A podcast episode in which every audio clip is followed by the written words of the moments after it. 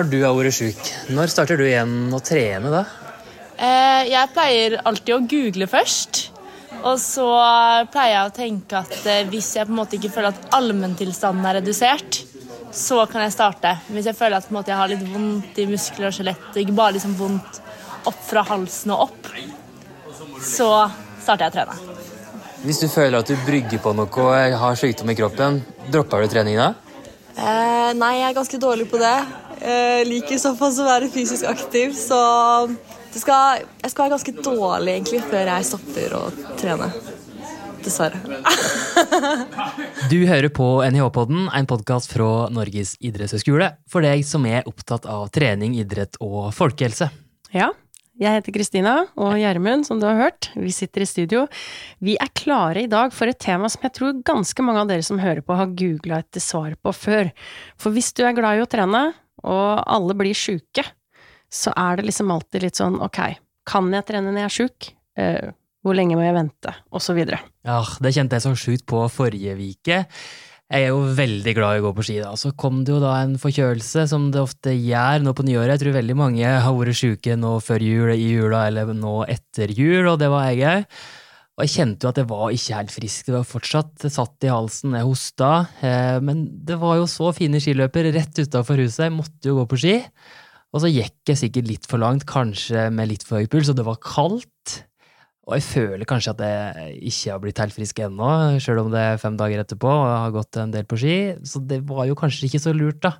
Så jeg har liksom en del spørsmål til disse ekspertene våre i dag. Hvor lenge bør jeg vente og gjeng det utover da treninga framover? For meg som ikke skal prestere i verdenscup, så er det ikke så farlig, kanskje. Men jeg har lyst på litt sånn tips til, til åssen jeg bør tenke da, i etterkant av sykdom, og egentlig i forkant da, når jeg brygger på noe. Hvordan kjenner du på det samme ting, Kristina, når du brygger på noe og har litt sykdom i kroppen? Jeg har nok blitt flinkere til å ta hensyn til min egen kropp, eh, nå når jeg har blitt både litt eldre og mamma og har en eh, litt annen belastning i hverdagen enn tidligere. Men da jeg var yngre, så pinte jeg meg gjennom det meste. Men jeg tenkte jeg skulle spørre disse ekspertene vi har invitert da, litt seinere i episoden, fordi at jeg har jo en del gruppetimer også. Og da, hvis jeg kjenner at jeg brygger på noe og vet at eh, det står 30 stykker og venter på meg, og det blir kanskje ikke trening, eller jeg gir sjefen en liten utfordring hvis jeg ringer og sier at jeg føler meg litt groggy. Ja, det er jo noe annet. Da kjenner du på den her samvittigheten hvor ja. du skal gjøre noe for ja. andre. Så da kjenner jeg jo at terskelen ofte er uh, høyere for å ikke trene, rett og slett. Mm. Mm. Vi har invitert to eksperter som forhåpentligvis kan gi deg deg og vi her i studio de svarene vi har prøvd å google da, når halsen er sår eller nesa nesten har slutta å renne. Når er det greit å starte etter å ha vært sjuk, og når bør en absolutt ikke trene? Og er det en myte at en risikerer å bli lengre sjuk om en starter for tidlig? Vi veit jo at topputøvere de dropper jo trening bare de har et, et, et tett nesebor. Men det trenger kanskje ikke vi mosjonister eh, som sårt kjenner på den lysta for å bare bruke kroppen litt etter å ha ligget på sofaen et par dager. Og vi har jo eh, flere leger her på huset, og i dag så har vi invitert eh, to av de, og det er Kristine Holm Moseid, og så har vi med oss ektemannen Nils Holm Moseid. Og begge to er lege. Kristine er forsker og jobber på Skadefri, som er det senteret for forskning for skadeforebygging her på NIH og Nils er doktorgradsstipendiat på samme institutt og hus, og velkommen til dere begge to. Tusen takk, Kristina Gjermund. Tusen takk. Vi må snakke litt om altså, hva er sykdom, for det er et ganske stort og omfattende tema. Men hvis vi da er i liksom treningsøyemed, hva er det vi tenker på når vi snakker om sykdom? Um, jo, for det første så eh, tenker vi at sykdom er jo mye, men når dere eh, snakker om noen eksempler nå til å begynne med, mm. eh, i treningsøyemed, så tenker vi jo gjerne på dette med infeksjoner, da. Eh, men ellers eh, er jo sykdom det er jo veldig mye annet enn eh, bare infeksjoner. vi har jo masse kroniske luftveisplager, hjerte-karsykdom, diabetes, kreft, psykisk sykdom, muskel- og skjelettsykdom. Men eh, i relasjon til trening da, så tenker jeg at vi kan kanskje dele det inn i nettopp infeksjoner, også livsstilssykdommer og, syk og psykisk sykdom, eh, kanskje også autoimmunsykdom og kreft. Og hvis vi begynner med det første, da, dette med infeksjoner som dere snakket om, så er jo helt klart det folk møter mest, og det man kanskje er mest opptatt av, er dette med infeksjoner i luftveiene. Og det er jo ofte det vi ser, det er gjerne det vi ser mest av også, og får mest spørsmål om, knytta til det med trening, fordi det er det vanligste. Eh, når du snakker, i hvert fall på sånn store mesterskap og sånn, så ser man vel at eh, akutte sykdommer, der er det 80% av de infeksjonene som man møter der som lege, det er luftveisrelaterte infeksjoner. Så det er jo et veldig aktuelt tema. Mm. Absolutt. Ja. Men alt det som skjer i kroppen da, når vi får slike infeksjoner, våkner opp om morgenen og kjenner at 'å nei, der var halsen sår står igjen'? Nei, og forhåpentligvis er det jo sånn at uh, immunapparatet ditt uh, har reagert på uh, et eller annet fremmed. Om det er en bakterie eller virus eller en annen mikroorganisme, det kan være ulike. Men i de aller fleste tilfeller så er det et virus. Og når immunapparatet vekkes, så er det spesialiserte celler i eh, kroppen som eh, begynner å eh, produsere både stoffer som er direkte retta mot denne fremmede organismen, eller som er egnet for å vekke andre celler og trekke de til seg til det stedet hvor infeksjonen sitter.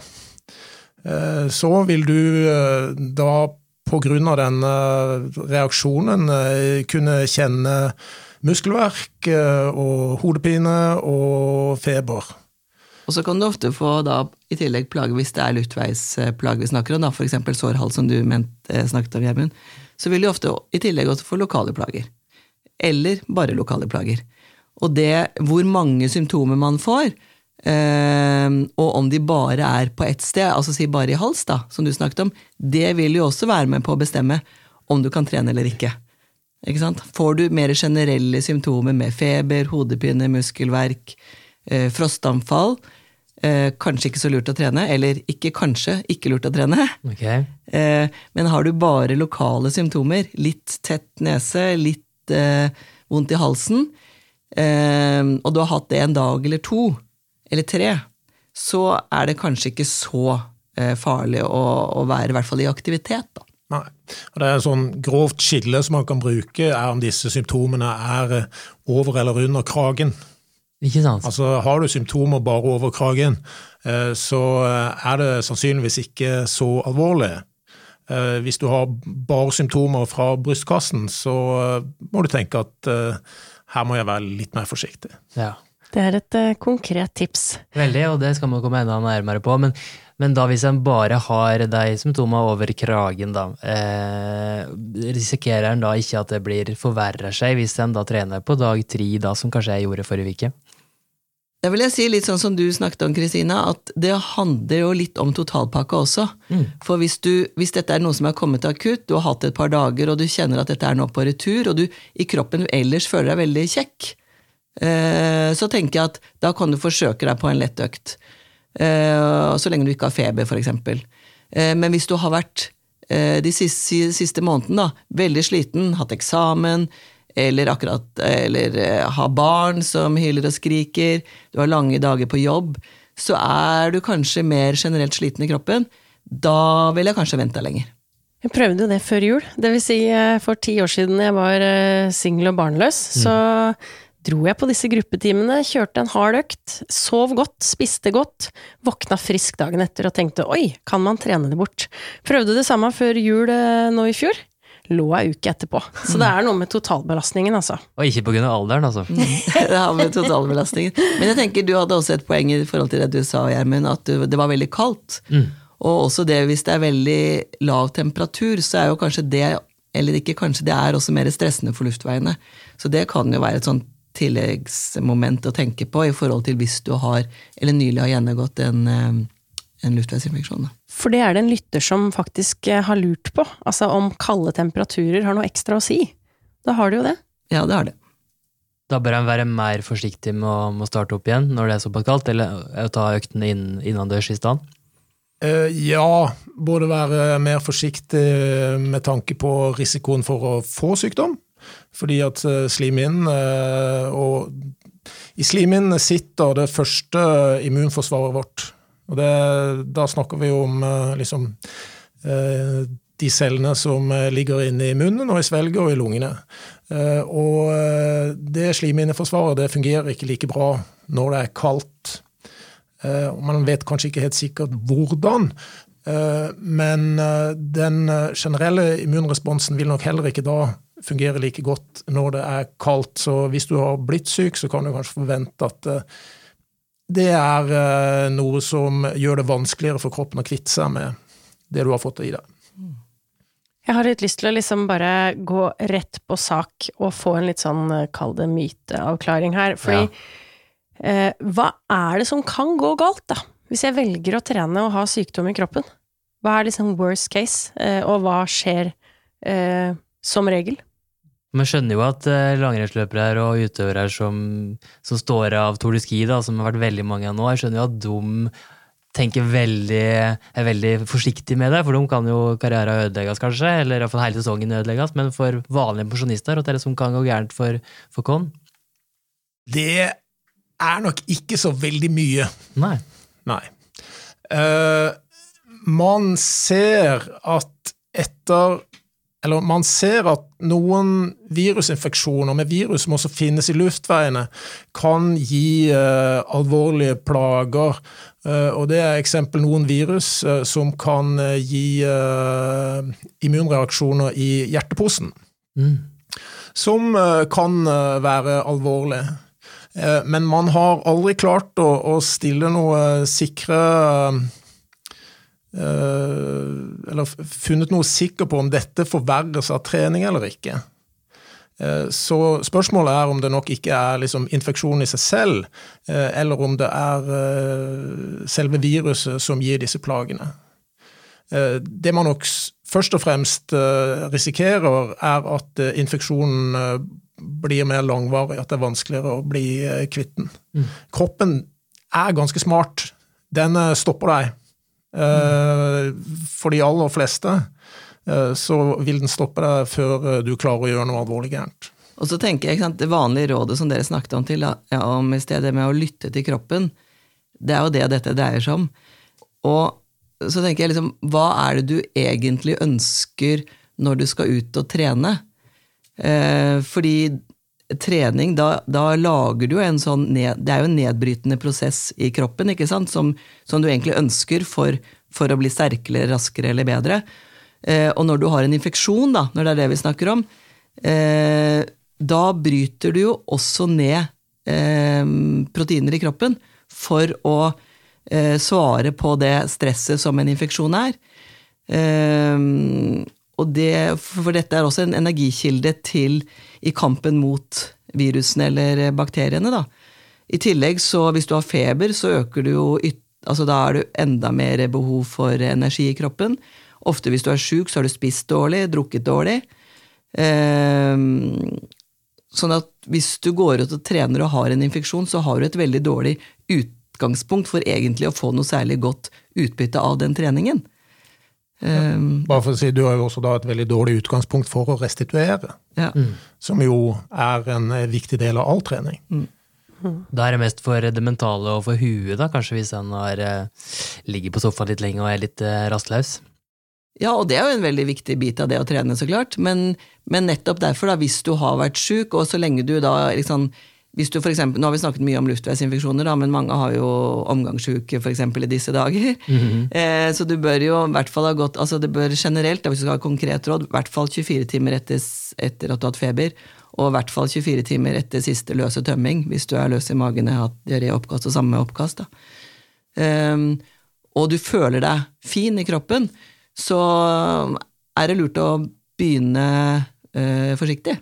Mm. Ikke kjøre hardintensive økter for å både se hvordan det funker, og kjenne neste dag hvordan funker du nå. Sånn som du snakket om, du følte at du var dårligere neste dag, så da la du kanskje ikke ut på en ny skitur igjen.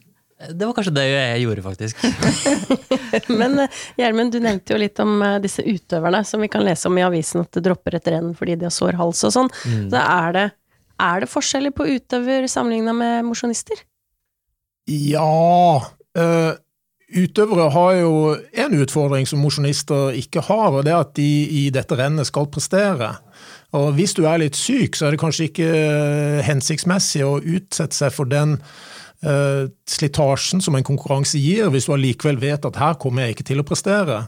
Sånn sett forstår jeg godt de som står av Tour de Ski. De er der for å, for å gjøre det godt. Hvis jeg er syk, kommer jeg ikke til å gjøre det godt, kan like gå hjem og, og, trene i ro og mak. Mm. Så er det jo vist studier også, fra i hvert fall eh, sånn nylig IOC-konsensusrapport også, at når man har selv lette eh, symptomer fra hals-nese, da, utøvere, så er det veldig ofte relatert til en infeksjon. Til et virus. Så det er liksom ikke bare noe man tror man har, men det er faktisk en infeksjon. Og da vet vi at i begynnelsen av en sånn type infeksjon, så kan det være lurt å se det litt an, da. Ja, og ved en, da, en veldig kraftig anstrengelse, som er et skirenn eller jeg har treningsøkt ES, da blir den kanskje dårligere. Hvis, og kald luft. Og kald luft. Mm. Er det det dummeste du kan gjøre hvis du kjenner at du begynner å få en infeksjon? Ja, i hvert fall hvis du ønsker å prestere på høyt nivå. Ja. ja. Og inntil også, vil jeg si, inntil du på en måte vet hvilken vei dette bikker, om du, er på vei om du bare blir sjukere og sjukere, eller om det er en eh, lett forkjølelse, som jo kanskje tross alt det meste er, da. Men jeg, da vil jeg gjerne spørre Gjermund, når du gikk ut på den skituren, ja. hvorfor gjorde du det? For det hadde så veldig lyst til å gå på ski, og ja, det var så, ja, jeg er veldig glad i det. Ja, ikke sant? og det er jo, det er jo viktig mens du er syk, at man forsøker å gjøre det så bra for seg som man kan. Eh, og så er det nok lurt også å snakke litt til seg selv før man går ut på den skituren. At eh, nå skal jeg gjøre det sånn og sånn, og så holde seg til den planen. Ja. I hvert fall ikke overskride den. For det er forskjell på åssen økter jeg velger, om jeg velger ei rolig økt eh, inne, styrketrening Det tenkte meg jeg skulle snakke litt om forskjell på type økter en velger da, når en skal starte opp igjen. Jo, eh, absolutt. Og det, det er jo for de aller fleste mosjonister, og for så vidt uh, veldig aktive mosjonister også, så har man tid til å forsøke seg ut. Hvis du er uh, toppidrettsutøver og mesterskapet nærmer seg, så er uh, situasjonen en annen. Da vil du nok gå hardt på. Men for alle oss andre så er jo ikke dette så viktig. Mm. Og vi har jo kanskje Vi har egentlig svart på det, tror jeg. Fordi vi har en lytter som heter Silje, som lurer på hvor lenge etter influensa man kan starte igjen. Men da var det litt sånn hovedregel 24 timer etterpå. Eh, så tenkte jeg på Irene lurer på om vi blir sykere av å trene. Eh, hva er det egentlig som gir økt risiko? Er det det at vi trener, eller er det det at vi har vært sjuke og kan bli sjuke igjen? Tja, det er jo et godt spørsmål, men jeg vil jo si litt uh ja til begge deler. Altså, hvis du har vært syk, så har du øket risiko for å bli syk igjen. Det er det ene. Um, ellers så blir man jo gjerne ikke generelt sykere av å trene. Trening er jo bra. Så hva var spørsmålet? Uh, ja, okay. Om du blir sykere av å trene ja. i stedet for å ikke trene? Trening beskytter mot all sykdom. Ja trente folk er friskere enn normalbefolkningen. Og det er også sånn at denne toppidretten, som etter sigende ikke skal være sunn, så er det sånn at uh, eldre toppidrettsutøvere de er også sunnere enn normalbefolkningen. Uh, så uh, det å si at man blir syk av å trene, det tror jeg jeg vil svare nei på. Men nå kom jeg på det jeg skulle til å si i sted, da, i forhold til det, Kristine, at Eh, bare husk på at det som skjer under sykdom, med nedbryting av proteiner mm. og temperaturregulering og de tingene der, det gjør jo at kroppen settes bare i et litt annet modus. Mm. Ikke sant? Så bare tenk litt at det er dumt å be om begge de to responsene på en gang. Sørge for at den derre sykdomsreparasjonsprosessen er i hvert fall på hell, da, om du ikke er helt over den. Mm. Mm. Så kan du bruke kreftene på å bygge det opp i forbindelse med trening etterpå. Mm. Så heller ta en eh, dag av i starten når du kjenner at eh, du begynner på en sånn periode. Mm. Bare si også at Olympiatoppen har en veldig fin Den begynner å bli litt gammel nå, men allikevel, jeg syns den er veldig relevant, den opptrappingsplanen som de har etter langvarig sykdom. Type, altså, det er sånn La oss si at du har vært lenge borte fra trening, da, eller eh, overtrent, eller tilsvarende det. Og da har de en veldig fin sånn, eh, eh syns jeg, prinsipiell opptrappingsplan hvis du er vant til å trene hver dag. for eksempel, når du skal tilbake igjen etter si en måned eller to, da, så er det jo ikke lurt å starte igjen eh, eh, hver dag. Da begynner du Halverer du i hvert fall, går over til å trene hver tredje dag, og så eh, begynner du veldig lett. Ja. Og den finner du på Olympiatoppens hjemmeside. Så nå har vi snakka litt om eh, når man er syk, når man har vært syk, men eh, Petter, han lurer på, altså bør vi trene eller ikke trene hvis du føler at du brygger på noe? Du er ikke sjuk, men du kjenner at her er det noe å gjøre, eller du til og med har en eh, smartklokke med body battery eller lignende som sier at eh, nå blir du snart sjuk. Det veit jeg mange som følger med på, som Mm. våkner opp og tror at de brygger på noe fordi klokka sier det. Jeg ville vel sagt at um, hvis du føler at du begynner å bli syk, så begynner du kanskje å bli syk. Eh, så da bør du kanskje være, holde det litt sånn som vi snakket om i sted, da. Men eh, med det sagt, så Jeg, jeg vil nok ikke stort så mye på den klokka. nei. Jeg tror kroppen din er flinkere til å si fra selv enn det den klokka er. Så er det sånn at hvis man er ute og trener og ser at denne pulsen eh, stiger eh, mer enn eh, den eh, pleier å gjøre, Det kan jeg så er det kanskje et signal om at eh, jeg kan ikke løpe like fort som det jeg pleier å gjøre. Jeg kan kanskje ikke løpe like langt heller. Og sånn sett så er jo puls et, eh, et fint eh, instrument å, å måle treningsintensitet på. Den sier klart fra. Eh, Men jeg tror ikke du trenger klokke. Kan, når jeg våkner om morgenen, hvilepuls, at den er høyere enn normalt? Jeg vet det er mange som følger med på hvilepulsen, og når du ser at den er høyere enn normalt, da tenker en kanskje at, at det er en brygger på noe? Det kan det nok være, men det kan være veldig mange andre ting også. Eh, Det kan være generelt stress, det kan være ting du har eh, drømt om eh, natten. Det kan være at du kommer på et eller annet du må huske når du våkner om morgenen. Det, det er et veldig usikkert mål for noe som helst.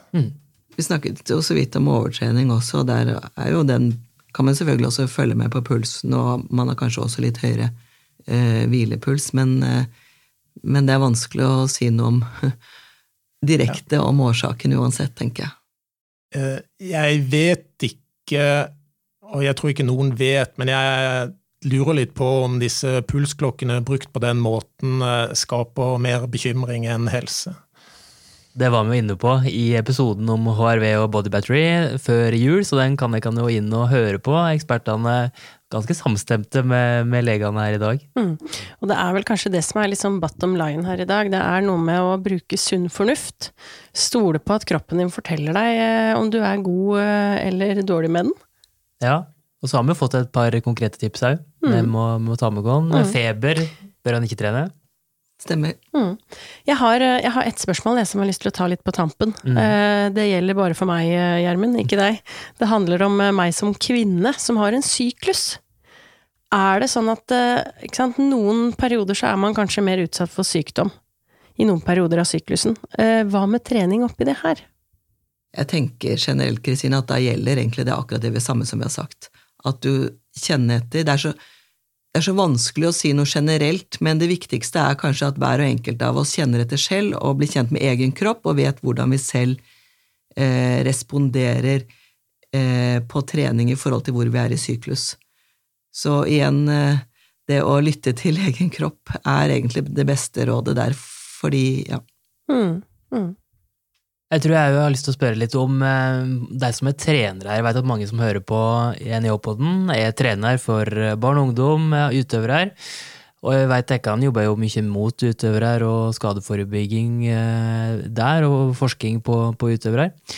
Eh, vi det kan si til en trener, da, ungdomstrener, som har en veldig ambisiøs utøver som vi gjør alt for å bli best, eh, og kanskje da trener med litt sykdom i kroppen, hvilke råd skal en gi da for, å, for at utøveren skal ta fornuftige valg når en er sjuk eller har vært sjuk?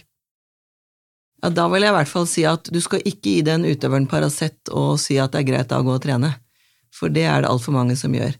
Eh, Du må hjelpe utøveren til å kanskje stille de spørsmålene rundt mye av det vi har snakket om nå. Hvorfor vil du trene nå? Hva ønsker du å oppnå med det? Når du har en sykdom i kroppen, så trenger kroppen mer tid på å bli kvitt sykdommen før du egentlig får noe utbytte av den treningen. Og den treneren har jo en veldig viktig rolle i det å lære opp utøveren sin og få de til å eh, tenke eh, noen smarte tanker rundt det selv, sånn at de gjør gode valg på vegne av seg selv seinere. Da er det god bedring, da. Ja. Til alle som hoster og harker der ute, god bedring, bruk tid. Men eh, hvis han ikke skal prestere på ypperste nivå, så er det lov å Ta vare på seg sjøl. Ja, og lov å trede litt rolig.